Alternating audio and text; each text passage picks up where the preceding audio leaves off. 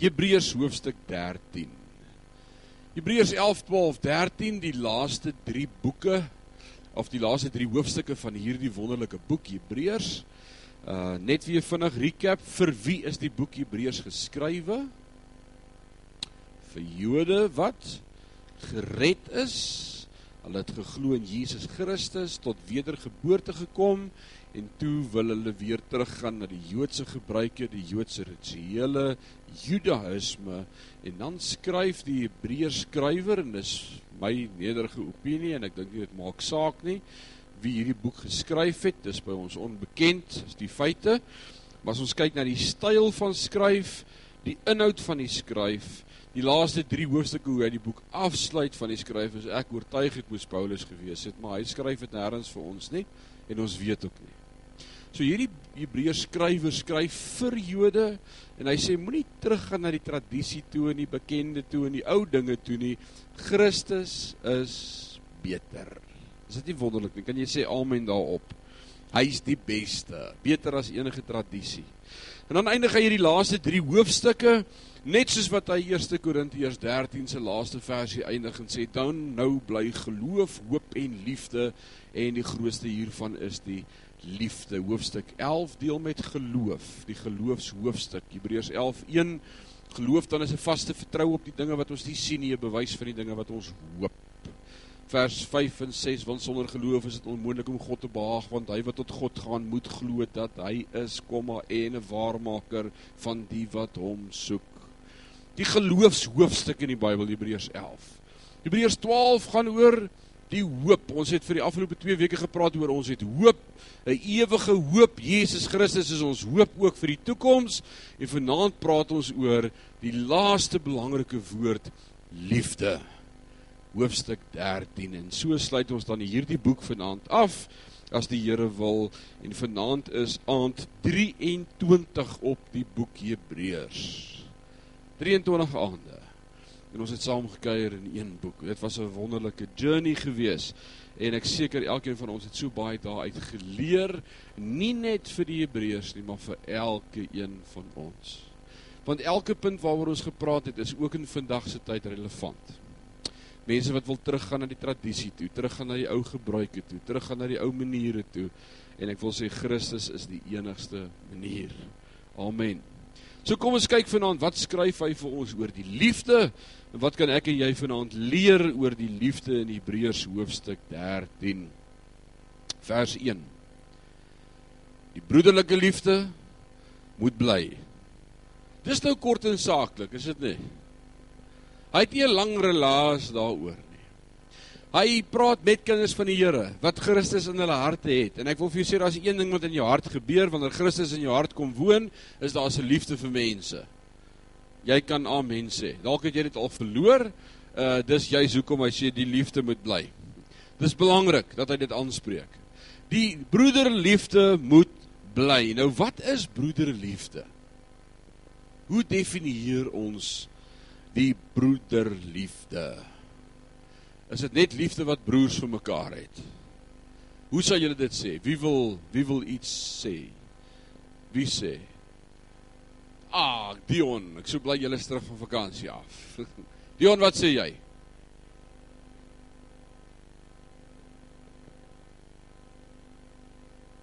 Ah, dis mooi gestel.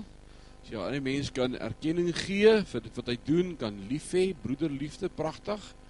Wie het vir my nog 'n beskrywing van die woord broederliefde? Yes.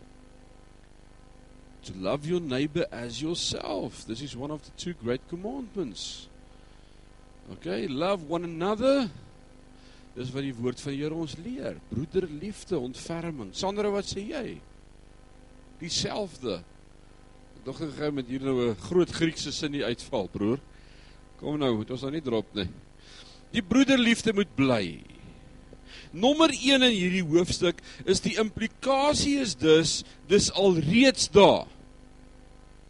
Daai praat met kinders van die Here. En daar's iets in 'n kind van God se lewe wat gebeur wanneer God in jou lewe kom bly. Daar's liefde vir mense. Kan jy onthou toe jy harte lewe net vir Christus gegee het? Wie wie van julle kan daai dag onthou van jou wedergeboorte? Daai oggend of daai aand of daai oomblik voor jou bed toe dit gebeur het. Dat 'n oorweldigende ding gebeur met jou en wat wou jy doen van toe af? Die hele die hele wêreld moet nou bekeer kom. Hulle moet almal doop. Is dit nie so nie? Jy wil net vir almal vertel. Daar's 'n liefde vir mense en omdat jy mense liefhet, wil jy nie hê ander mense moet verlore gaan nie. Hulle moet beleef en ervaar wat jy beleef en ervaar. So wie daai liefde in jou hart gesit. God het dit klaar gedoen. Jesus se liefde. Ons sing af van as sonneskoolkinders, die liefde van Jesus is wonderbaar, wonderbaar vir my. O stort dit nou uit in my siel, die liefde van Immanuel. Dis klaar daar. So as hy skryf aan hierdie gemeente, aan hierdie groep Jode, dan sê hy die broederliefde moet bly want dit is van God af. Dis mooi om mekaar lief te hê.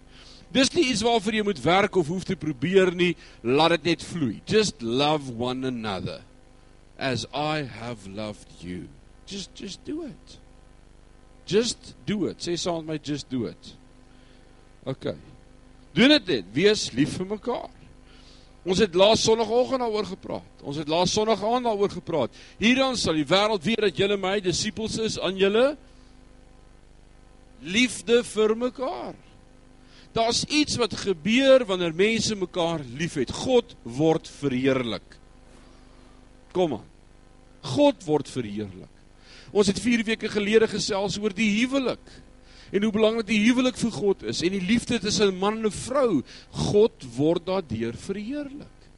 Inteendeel, dis die tipe wat Paulus kies om te gebruik in Efesiërs 5 as hy die verhouding tussen ons en God wil beskryf, die huwelik.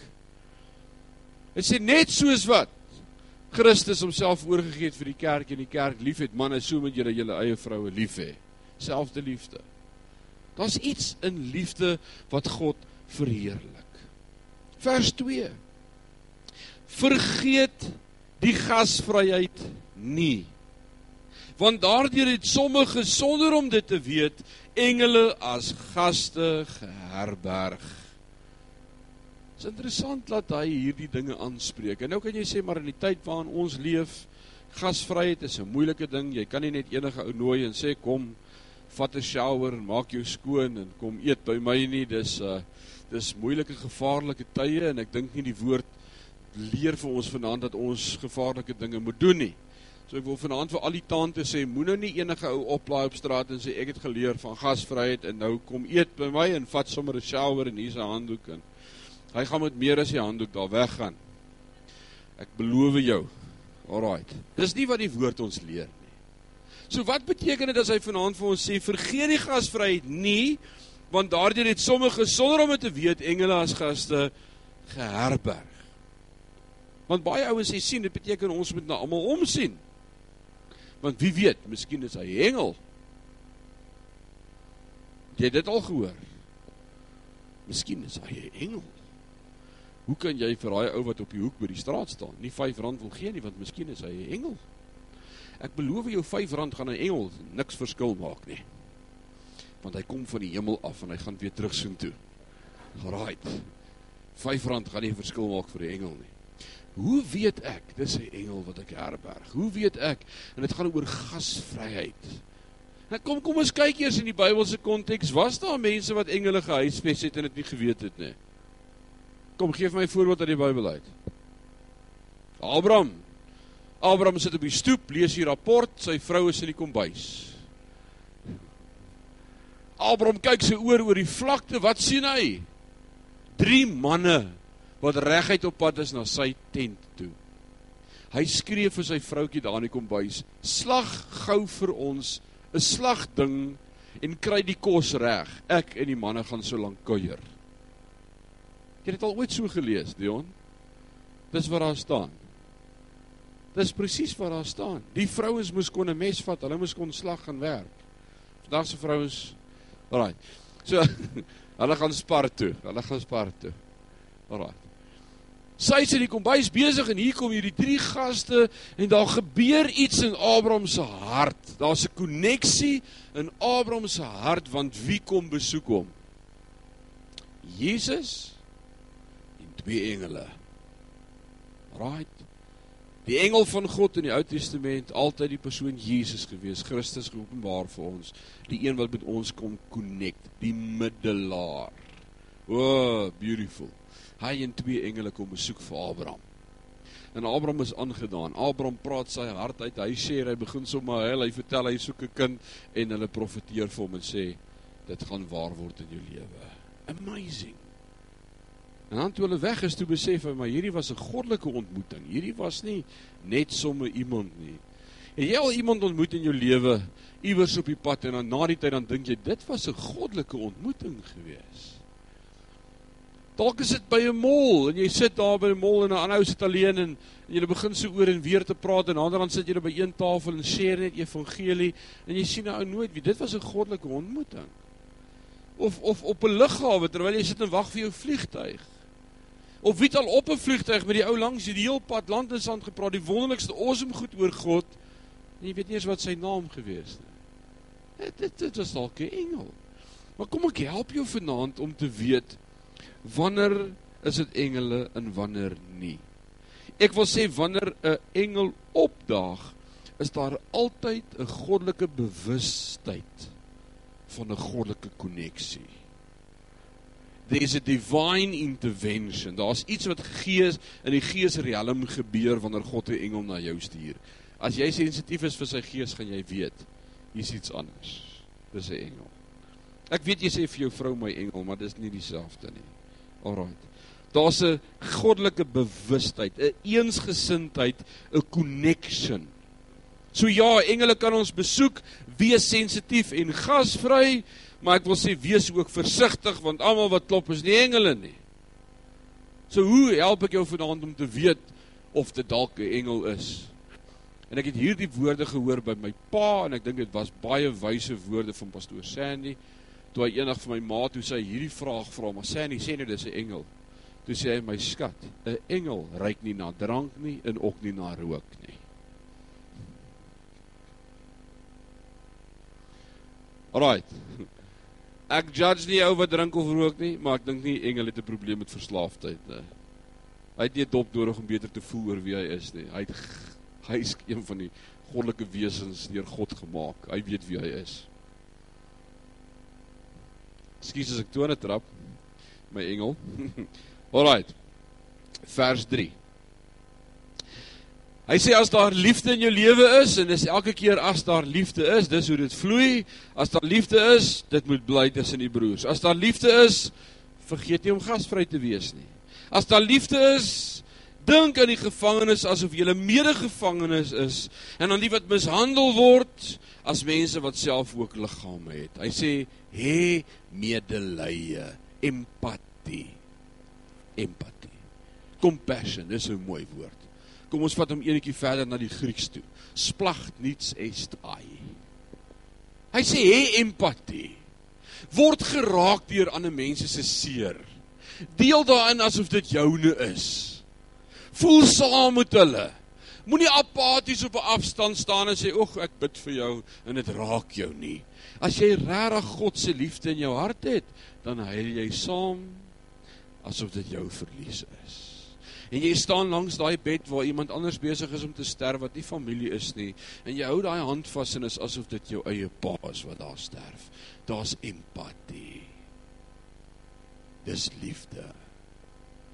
En ons is gemaak en ons beskerm ons harte en ons probeer sterk wees en ons sê ons staan soms so apaties teenoor ander se seer kry en sê ooh ek kan dit nie hanteer nie.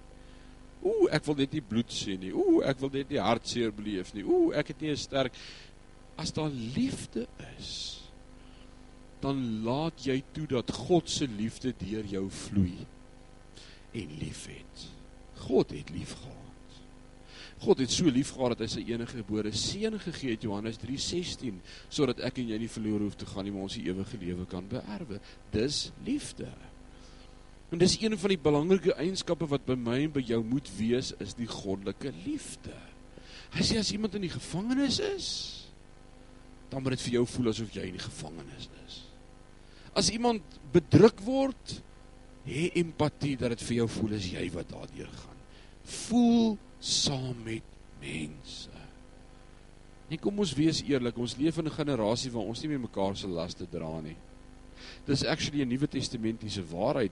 Dis een van die mekaar beginsels in die Nuwe Testament. As jy daarvan 'n lys wil maak, traai dit bietjie, die mekaar beginsels. Hoeveel keer Nuwe Testamentiese skrywers vir my en vir jou sê, daar's sekere beginsels vir die kerk wat te doen het met die woord mekaar.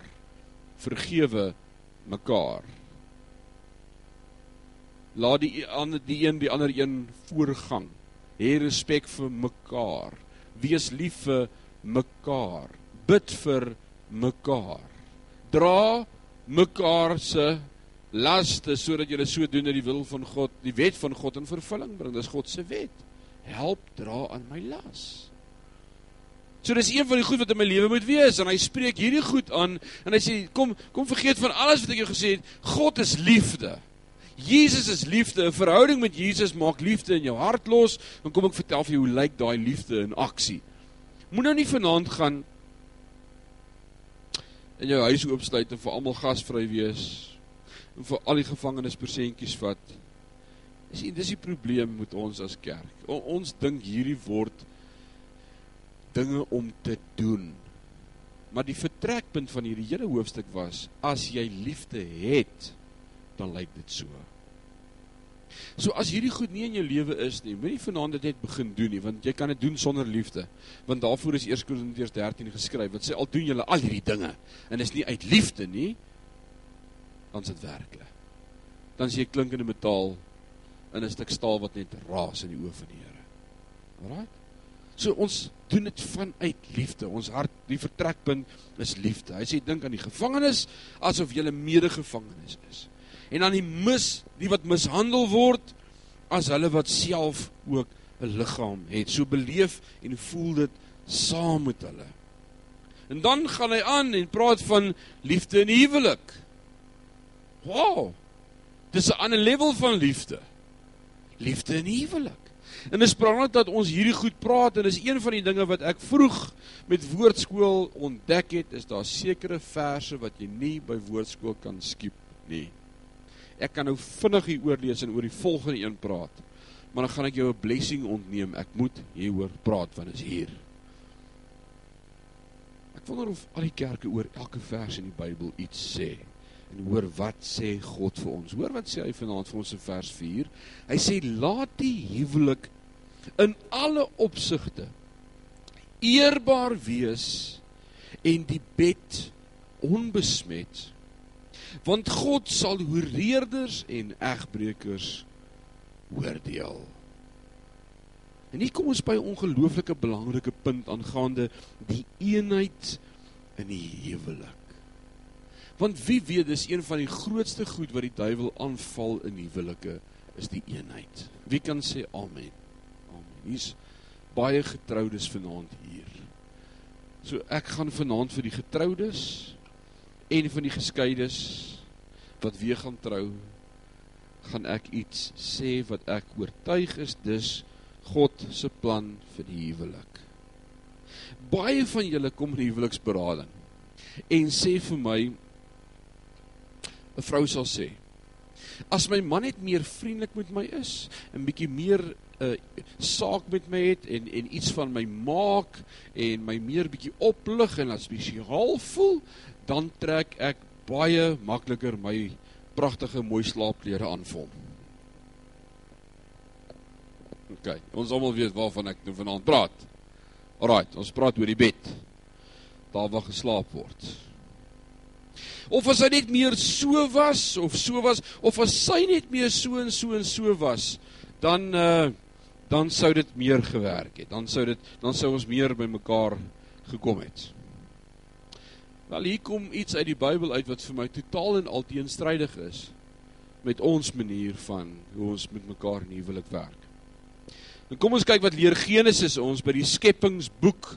God gee vir ons die blueprint, die blou druk van hoe 'n huwelik moet lyk.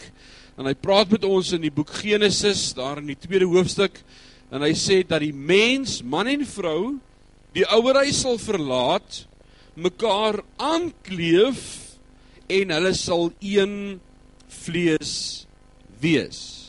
So God se orde in die eerste plek verlaat jou ouerhuis. Nou ek gee hierdie raad altyd vir jong getroudes. Trek weg van jou male af, so ver as wat jy kan. En van jou skoonmale af. Moenie by hulle in die granny flat intrek nie. Dis 'n resep vir 'n disaster. Alraai, regtig, moenie. Don't don't just don't do it. Dit dit gaan nie werk nie. Die woord is baie ernstig daaroor. Hy sê verlaat jou ouer huis.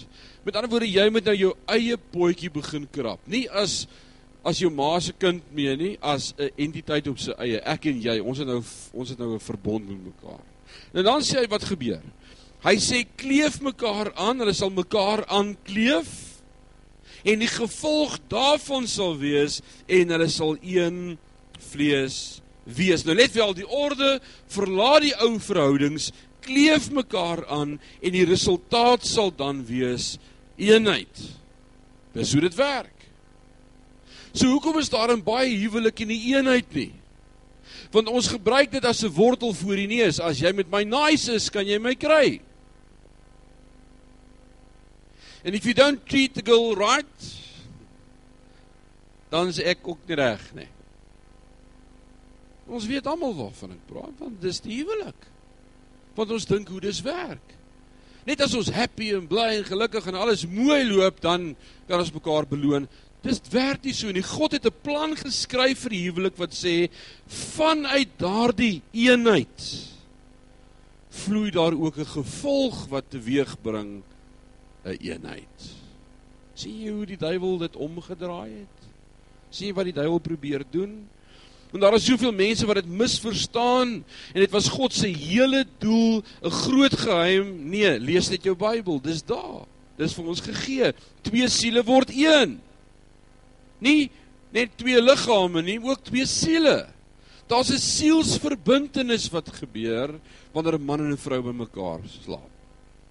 En daarom is dit vir ons belangrik om ook ons tieners en ons jong mense te waarsku en te sê oppas want dieselfde wonderlike ding wat gebeur binne die huwelik wanneer twee se siele een word en ons praat daarvan as 'n soul tie, 'n koneksie in die sielsdimensie vind ook plaas buite die huwelik, maar dit het die teenoorgestelde effek. Want gemeenskap buite die huwelik it equals destruction. Dit het nie dieselfde gevolg as vir getroudes nie. God het dit so bepaal. God is die outeur van menswees. Hy weet actually hoe hy ons gemaak het. Julle sal nooit eenheid hê in die huwelik totdat daar eenheid in gemeenskap is nie. OK, dit gesê, het ek ook gesê as jy nie getroud is nie en hulle kom by mekaar gebeur die teenoorgestelde Alraight, en dis juist die faktor wat skeiding bring op die einde van die dag tussen mense.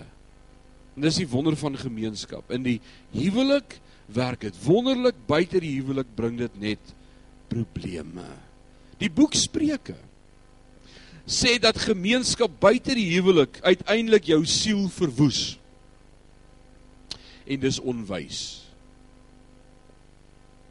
Nou sit twee jong mense voor my. En dan vra ek vir hom, dan dalk bly hulle saam. Dan sê ek: "Seun, is jy lief vir die girl?"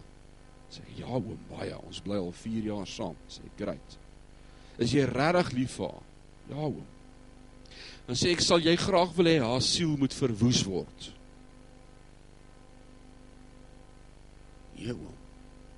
Sê ek: "Maar jy's besig om dit te laat gebeur, want God se woord sê dis gemeenskap buite die huwelik. Dit het 'n loon."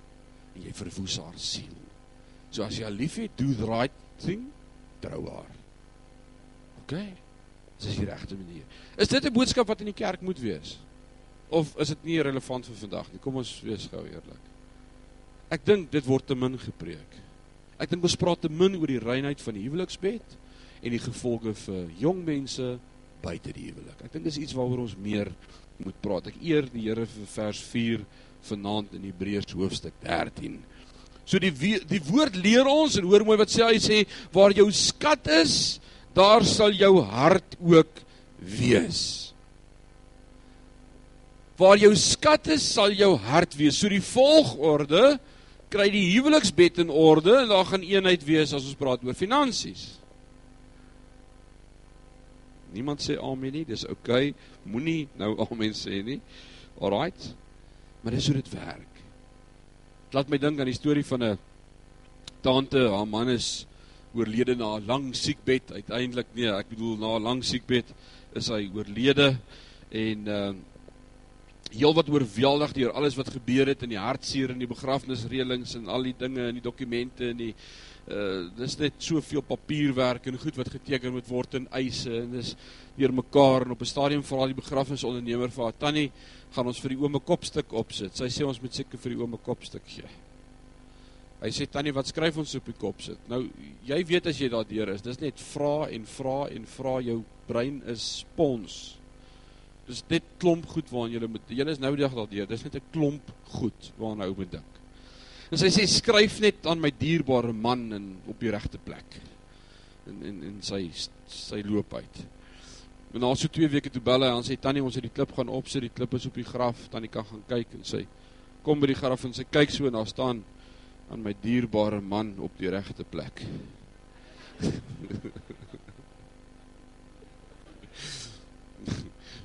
Dis nie wat sy bedoel het nie. Alrite.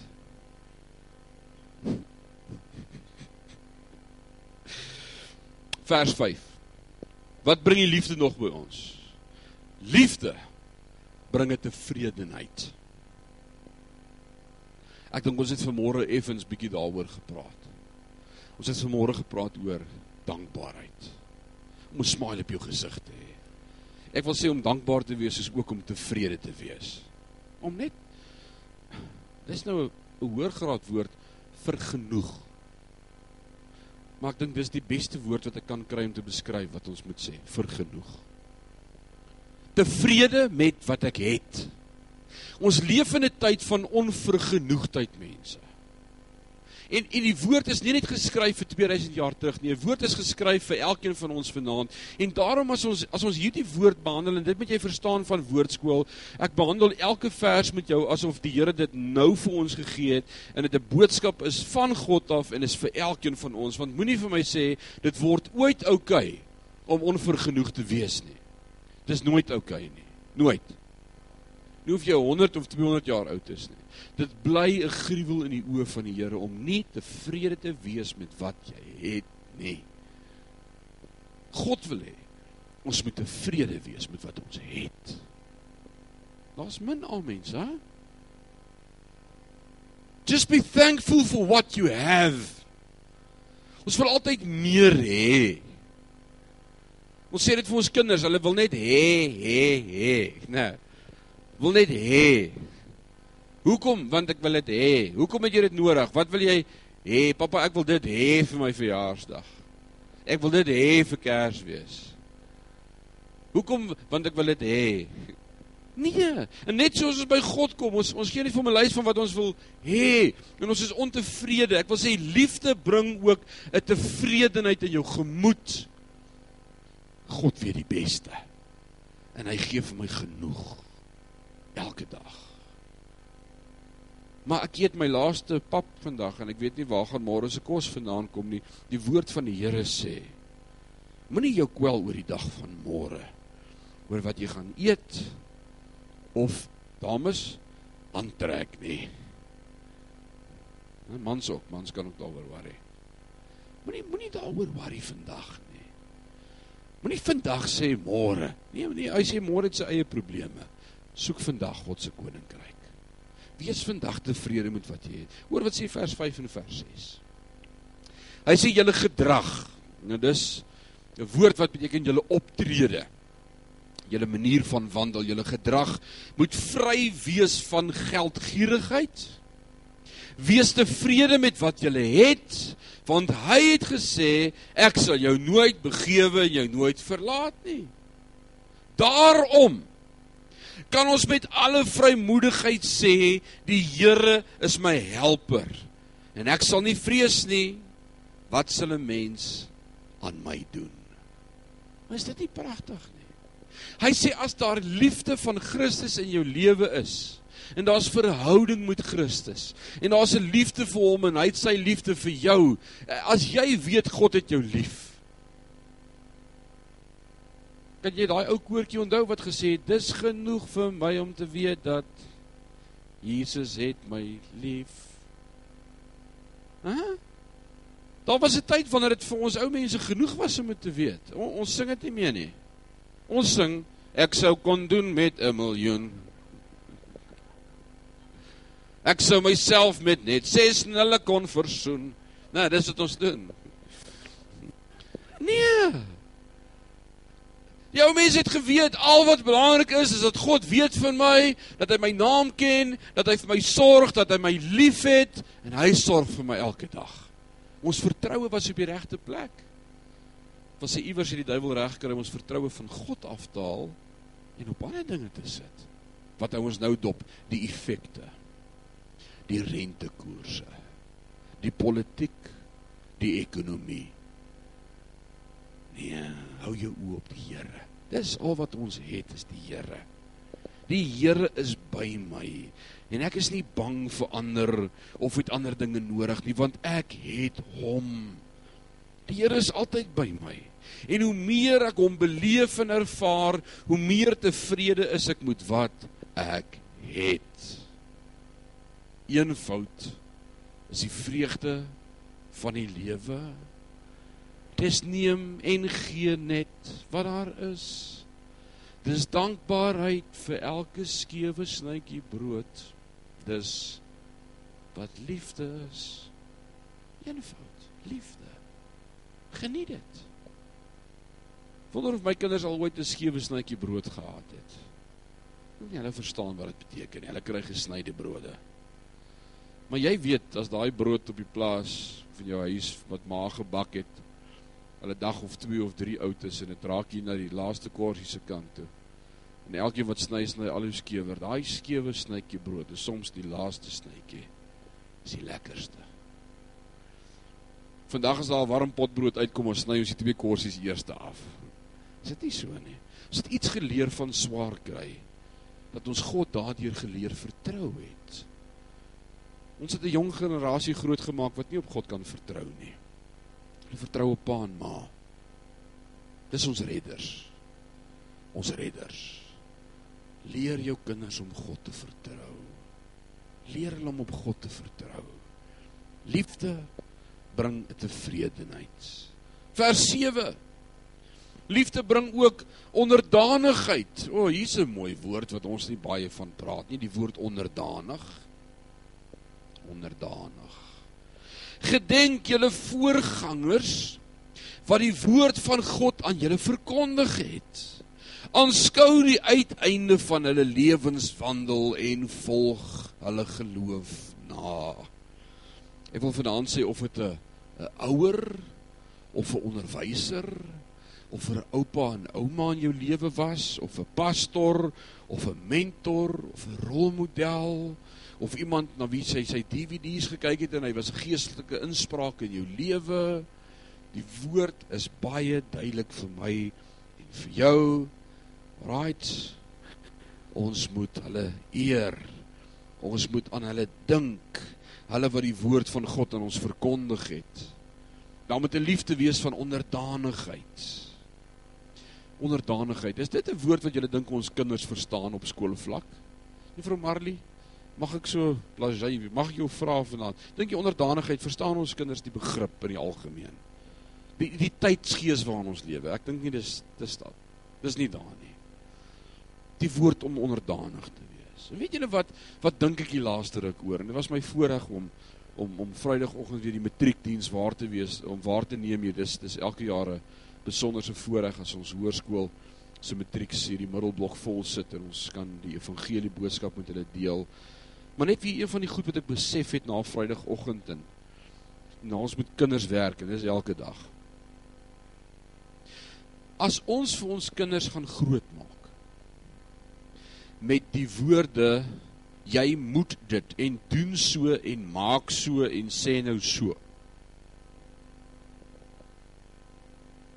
Dan maak ons 'n generasie groot wat in rebellie gaan kom teen godsdienst en God se woord.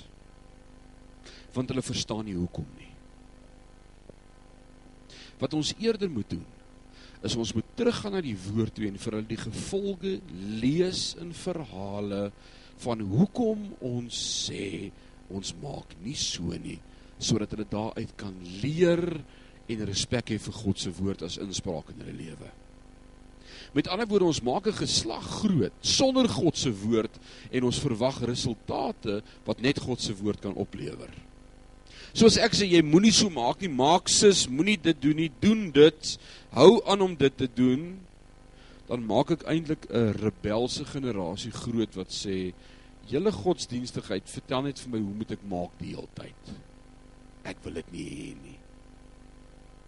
Pas ek met my kinders gaan sit elke dag en ek vertel vir hulle, seun, ek wil vanaand vir jou vertel wat is die gevolge gewees van Samson wat nie vir God wou luister oor die regte vrou nie.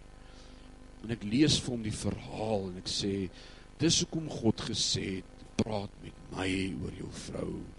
En dis hoekom gehoorsaamheid aan God belangrik is want daar's gevolge. Dan dink ek gaan hulle meer leer uit God se woord uit as wanneer hulle net sê maar my pa het gesê ek mag nie. Want dit is asof dit 'n rebellie lok by ons kinders. Daar's daar's asof ek 'n rebelse gees in ons kinders se harte optel, 'n hardheid om te sê moenie vir my sê wat moet ek doen nie. Is daar iemand wat saam met my kan stem vanaand? Is daar is ek klankbord julle. Ek toets my eie hart want dis wat ek in my hart beleef en ervaar. Wat sê jy Tanya? Is dit so? Wel, wel uit die mond van die suigeling. Ek bedoel dit dis dis so. Dis die issue wat ons beleef met ons kinders, want moenie net vir my sê maak so en maak so en moenie so maak nie. En onthou 'n kerkbes maak nie so nie en ons moet so lyk en nee, ons doen nie sulke dinge nie. Wys my in God se woord die lesse. En ek en jy ken daai lesse, ons het dit al vergeet. Deel dit met ons kinders en sê kom ek wys jou weer die woord van God. Dit God vir sy volk gesê. Moenie. Maar hulle wou nie hoor nie, dit was die gevolg. En dis hoekom ons gehoorsaam is aan die Here. Soek allereers die koninkryk van God en sy geregtigheid. Ek koop is vir iemand hier vanaand. Koop iemand vat dit vanaand. Want God se liefde in ons hart bring 'n onderdanigheid. Vers 8 so pragtig. Ek wil sê die liefde oorwin. Die liefde oorwin altyd. Wie kan sê amen? Dis dis dis the ultimate. Jesus Christus is gister en vandag dieselfde en tot in alle ewigheid. Hy verander nie. Die liefde oorwin altyd. Altyd, altyd, altyd. Vers 9. Liefde hou die woord suiwer. Hm. Kom ons kyk wat sê vers 9. Moenie rondgeslinger word deur allerlei en vreemde leringe nie. Want dit is goed dat die hart versterk word deur die wet. Nie deur voedsel nie. Wat ek verkeerd gelees. Ekskuus man. Want dit is goed dat die hart versterk word deur genade. Nie deur voedsel nie, waarvan die wat daarin gewandel het geen voordeel gehad het nie. Hy waarsku hulle sê oppas vir valse leringe. Oppas vir slinkse dinge om jou weg te kry van die pad van genade af. Oppas vir enige ander boodskap wat sê dis nie net genade, genade, genade nie my genade. Dis werke of dis die wet of dis die of is terug na Joodse tradisie toe of is terug na die Sabbat toe of is terug na die Torah toe of jy moet nou weer bid met 'n prayer cloth. Oppas vir dit. Oppas vir al hierdie goed wat wil teruggaan na werke toe want dit was genade gewees. Want dit is goed dat die hart versterk word deur genade. Die hart van die evangelie is genade. Sê saam met my genade. Grace. God's riches at Christ's expense. Grace. Grace. Unmerited, unearned, undeserved favor. Hoe jy kan nie daarvoor werk Hoekom wil ons elke keer teruggaan na werke toe? Hoekom? Hoekom wil ons weer probeer om God te verdien? En dinge te doen om hom te impress. Ek kan niks doen wat die Here impress nie. Al wat ek kan sê is Here, Ek het U lief. En dis genoeg. Dis genoeg om hom lief te hê. En dit verander jou lewe. Dis nie werke nie. Maar as dit dan net genade is, dan ontbreek ons in die tempel. Dis nou wat die argument sou wees. Ek hoor hoe sê hulle terug terwyl hy vir hulle preek. Hy sê hulle sê vir hom maar as dit net genade is, dan is daar nie 'n tempel nie en daar's nie 'n tabernakel nie en daar's nie linne nie en daar's nie wierook nie en daar's nie offers nie. Dit kan nie net genade wees nie. Dan kom hy in vers 10 en hy sê ons het 'n altaar. Ons het 'n altaar. Waarvan die wat die tabernakel bedien geen reg het om by die altaar te kom eet nie, want die altaar se naam is genade en die tabernakel se altaar se naam was werke. Jy kan nie die twee versoen nie. Jy kan nie op daai altaar wil brand en by die altaar kom aansit aan 'n feesmaal nie. Jy kan nie. Of jy glo Christus was die offer en hy het vir my betaal en ek kom sit aan die tafel wat spreek van liefde en ek sê dankie vir die brood en dankie vir die wyn of ek bly by die eerste altaar en ek offer en dit bly werke. Dis wat hy sê in vers 10.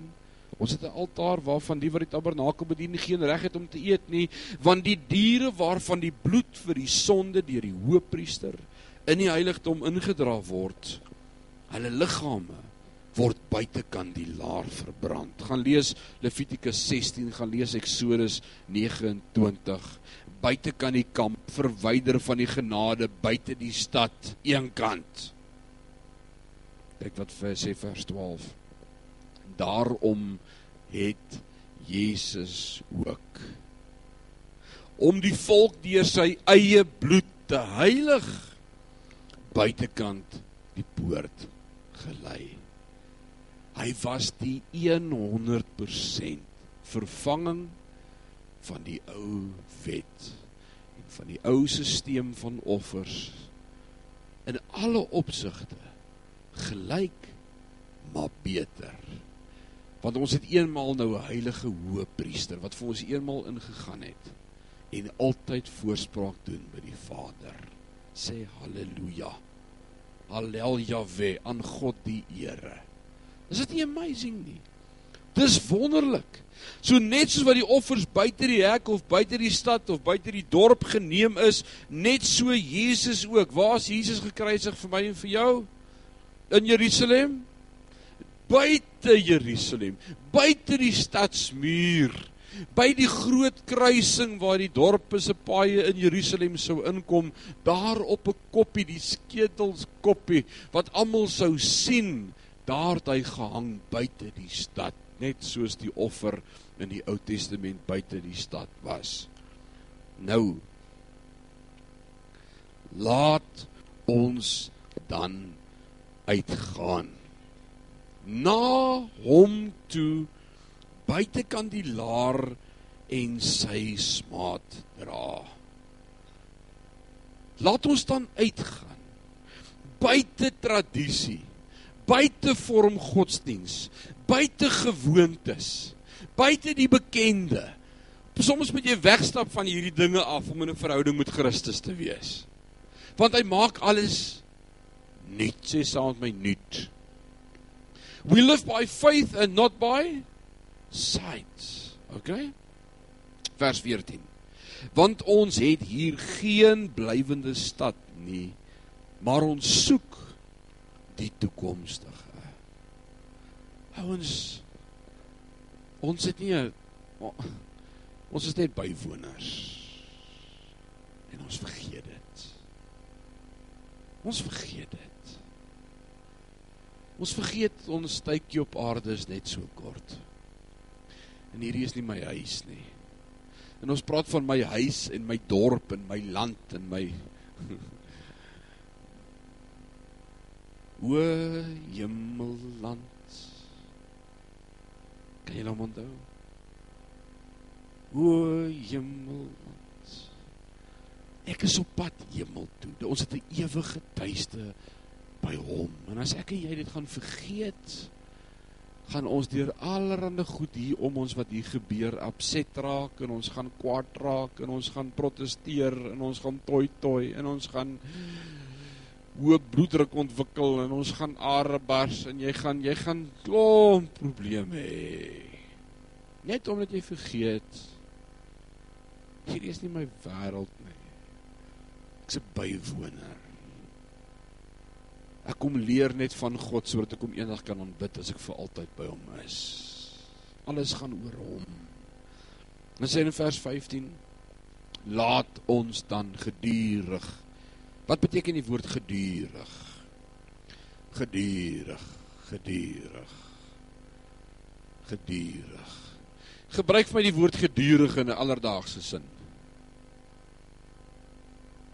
Johan? Eet.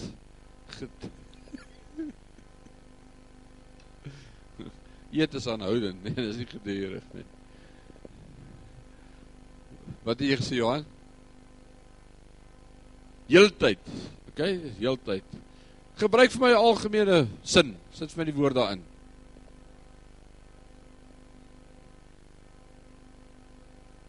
Gedurig. So kan ons sê die woord gedurig is ook altyd deur. Dis een van die ander vertalings altyd deur. Kom ons hoor die graad 2 juffrou. Gebruik vir ons die sin gedurig in 'n sin, juffrou. Gebruik hom in 'n sin. Wat sê jy sê gedurig?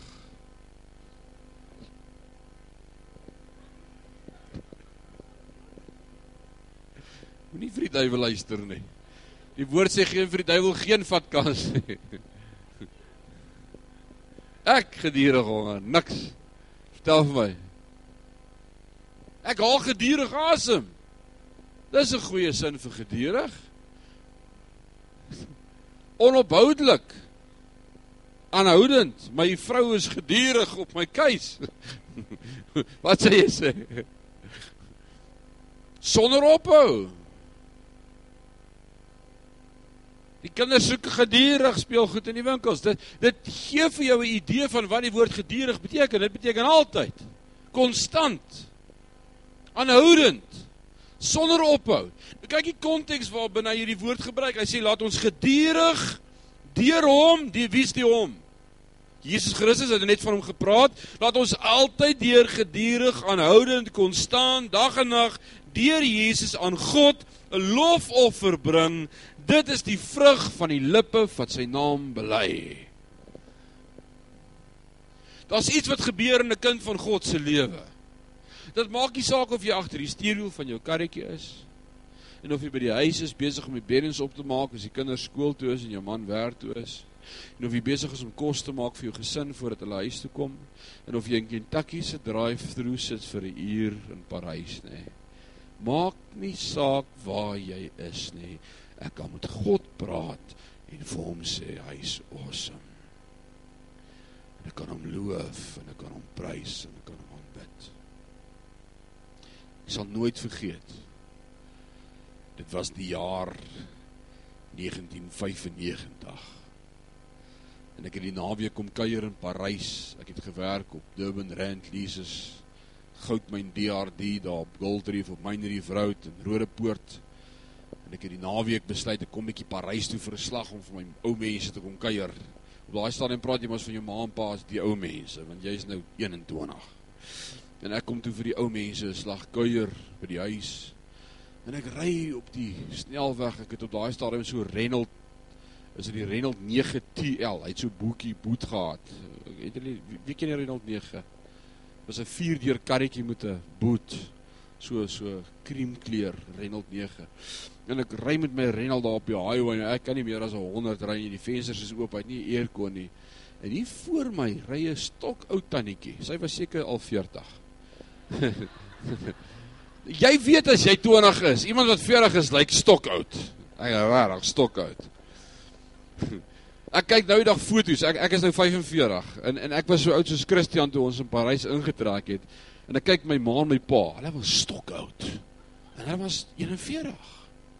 Ek maar vandag se lewe is anders. Maar in 'n geval daai tannie was sy was regtig al stokoud, maar sy ry voor my. Nou wat se ka hier van agter af en sy het haar linker handjie het sy so opgegooi En sy het met hom so gery die hele pad, een hand op die stuurwiel, een handjie in die lug. Het wat maak hier dit dan nie? Ry ek kyk ek vaar, dan ry ek so langsaam, dan kyk ek so, dan gaan ek weer so terug. Sê ek nee, en weet jy wat tot ek klik? Sy het die saak met my nie. Sy praat met haar koning. Sy het die saak met my nie. En weet jy hoe dit my aangekla? Sê die Heilige Gees vir my, jy het nie eers gebid nie. Wow. Ek sal dit nooit vergeet nie. En vir daaroor is daar geen verskoning as jy in 'n kar is nie. Okay, deesdae in 'n kar laat ek die ander bid, maar daar's altyd rede om in 'n kar te bid. Raai. Ons moet altyd deur bid, altyd, altyd, altyd, altyd. Ek dink dit is een van die wonderlikste gewoontes om altyd met God te praat. Altyd met God te praat, altyd bewus te wees van hom. As jy die veld stap, as jy om die blok stap, as jy maak nie saak waar jy is nie, praat met God, praat met die Here. Altyd deur. Wil jy dis awesome. Want jy weet jy daar daar gebeur goed in jou lewe wanneer jy altyd met God praat. Jy bou nie op en bou op en bou op totdat hierdie dam wil wil bars nie. Jy jy is altyd in sy teenwoordigheid. Jy praat altyd met hom. Jy het vrede. Dis 'n mooi woord. Jy het vrede. Jy het 'n kalmte. Jy hoef nie nou eers in jou binnekamer nou te gaan bid nie. Jy bid altyd. Altyd. Beautiful. Ek het altyd as as as ek vir mense sê ek gaan vir jou bid, dan dink ek ek moet nou eers die foon neersit en dan moet ek nou eers gaan bid tot ek besef het maar maar hoorie, kom ek bid sommer nou vir jou, maak toe jou oë. Ons praat nou met God. Ons praat nou, hy is altyd by ons. Praat met God. En dan wat doen liefde nog? Liefde doen goed. Hoor wat sê vers 16. Vergeet die weldadigheid en mededeelsaamheid nie want God het 'n welbehae aan sulke offers. Wow. Vergeet die weldadigheid en mededeelsaamheid nie. As iemand jou gebless het, kyk hom in sy oë en sê vir hom: "Dankie, jy was 'n blessing." Of hy dit wil hoor of nie. En of dit nou van die Here afkom of nie. Die Here like dit as ons vir mekaar sê dankie. Hoe weet ek dit? Ek het twee kinders. Ek het twee kinders. Jy het twee kinders Tanya. En as jy een vir die ander een iets gee, is dit seker die mooiste woord in die huis as daar 'n dankie boetie. Hoor jy dit by julle in die huis? Nee. Nee, dis net nie daar nie. Dis asof dit my reg is. Gee net, gee net. OK, ek gaan my sweets met jou deel. Nou gee my helfte. Dis dit nie so nie. Ek love it as daar 'n dankie van een van my kinders af vir mekaar kom in die huis. Dis vir my die mooiste woorde. Ek wil sommer in trane gaan. Want dis my kinders en ek het hulle albei ewe lief. En as my jongste by die oudste kom en vir hom sê dankie boetie, joh, jy hoef dit nie met my te gedeel het nie, maar thanks. Of as Christian laasweek van Dewel se verjaarsdag koek eet en hy gaan na hom toe en gee hom so drukkie en sê hy klein boet. Dankie vir hierdie stukkie koek. Yes, it bless my heart. Want is my kinders en ek is vir al twee lief. En hulle sê vir mekaar dankie. Nou as ek so voel as my kinders vir mekaar dankie sê, liewe genade, hoe dink jy voel God as sy kinders mekaar so ook kyk en sê hoor ek wil net vir jou sê. Thanks. Dit my gebless en alle goeie gawes kom van die Vader, ja. En dit was die Vader wat Vader wat ons gebless het. Maar dankie. En die Here wil hê ons moet vir mekaar sê. He loves it. He loves it. Het jy rede om vir die ou langs jou dankie te sê vir iets? Kyk gou in sy oor en sê vir hom dankie. Dankie dat jy hier is. Dankie dat jy soveel geduld met my het. dankie. Dis 'n mooi woord. Dankie. Dankie dat julle hier is vanaand dat ek nie vir myself hoef te preek nie. Daar's altyd rede vir dankbaarheid. Leef 'n lewe van dankie. Want dit is mooi. Sê dankie. Hier kom 'n mooi vers. Ons is amper klaar. Sê daarvoor dankie. Alraai. Ons is amper klaar. Liefde. Luister. Liefde luister. Liefde luister nie na jou eie stem nie, maar na ander. Liefde luister, want liefde gee om. Hoor wat sê vers 17. Wees gehoorsaam aan julle voorgangers en onderdanig, hoor jy Christian? Want hulle waak vir julle siele as diegene wat rekenskap moet gee by God eendag. Sodat hulle dit met blydskap kan doen en nie alsigtende nie, want dit is vir julle nie nuttig as julle pastore oor julle sig nie. Oh, man, hierdie ou het he had courage to write the truth. MC, wat 'n amazing skrif hierdie. Hier staan moenie 'n moeilike lidmaat wees nie. Moenie. Moenie jou pastoor grief gee nie. Wees net gehoorsaam aan julle voorgangers, onderdanig want hulle waak vir julle siele as diegene wat rekenskap moet gee. Weet jy wat se terrible wonderlike, verskriklike verantwoordelikheid is op my skouers om enig rekenskap te gee oor 'n klomp bokke en skape waarmee die Here my vertrou het op aarde. Dis vir ouers bedoel met hulle kinders. Dis vir my bestoel as as geestelike leier van julle. Dis vir almal van ons eintlik bedoel. Jy gaan met rekenskap gee sodat hulle dit met blydskap kan doen en nie al sigtende nie. Want dit is vir julle nie nie nuttig as hulle sig oor julle nie. Wat doen die liefde nog? Ons is amper klaar. Liefde bid. Liefde bid vir ons, liefde bid vir ander, liefde bid vir almal. Liefde bid nie net vir homself nie. Die skrywer sê bid vir ons. Bid bid vir ons want ons is oortuig dat ons 'n goeie gewete het omdat ons in alles goed wil wandel. Des te meer vermaan ek julle om dit te doen, om om vir ons te bid sodat ek gouer aan julle teruggegee kan word. Dit klink soos Paulus. Dit klink wragtig vir my soos Paulus hier. Hier, hier klink Paulus weer vers 20.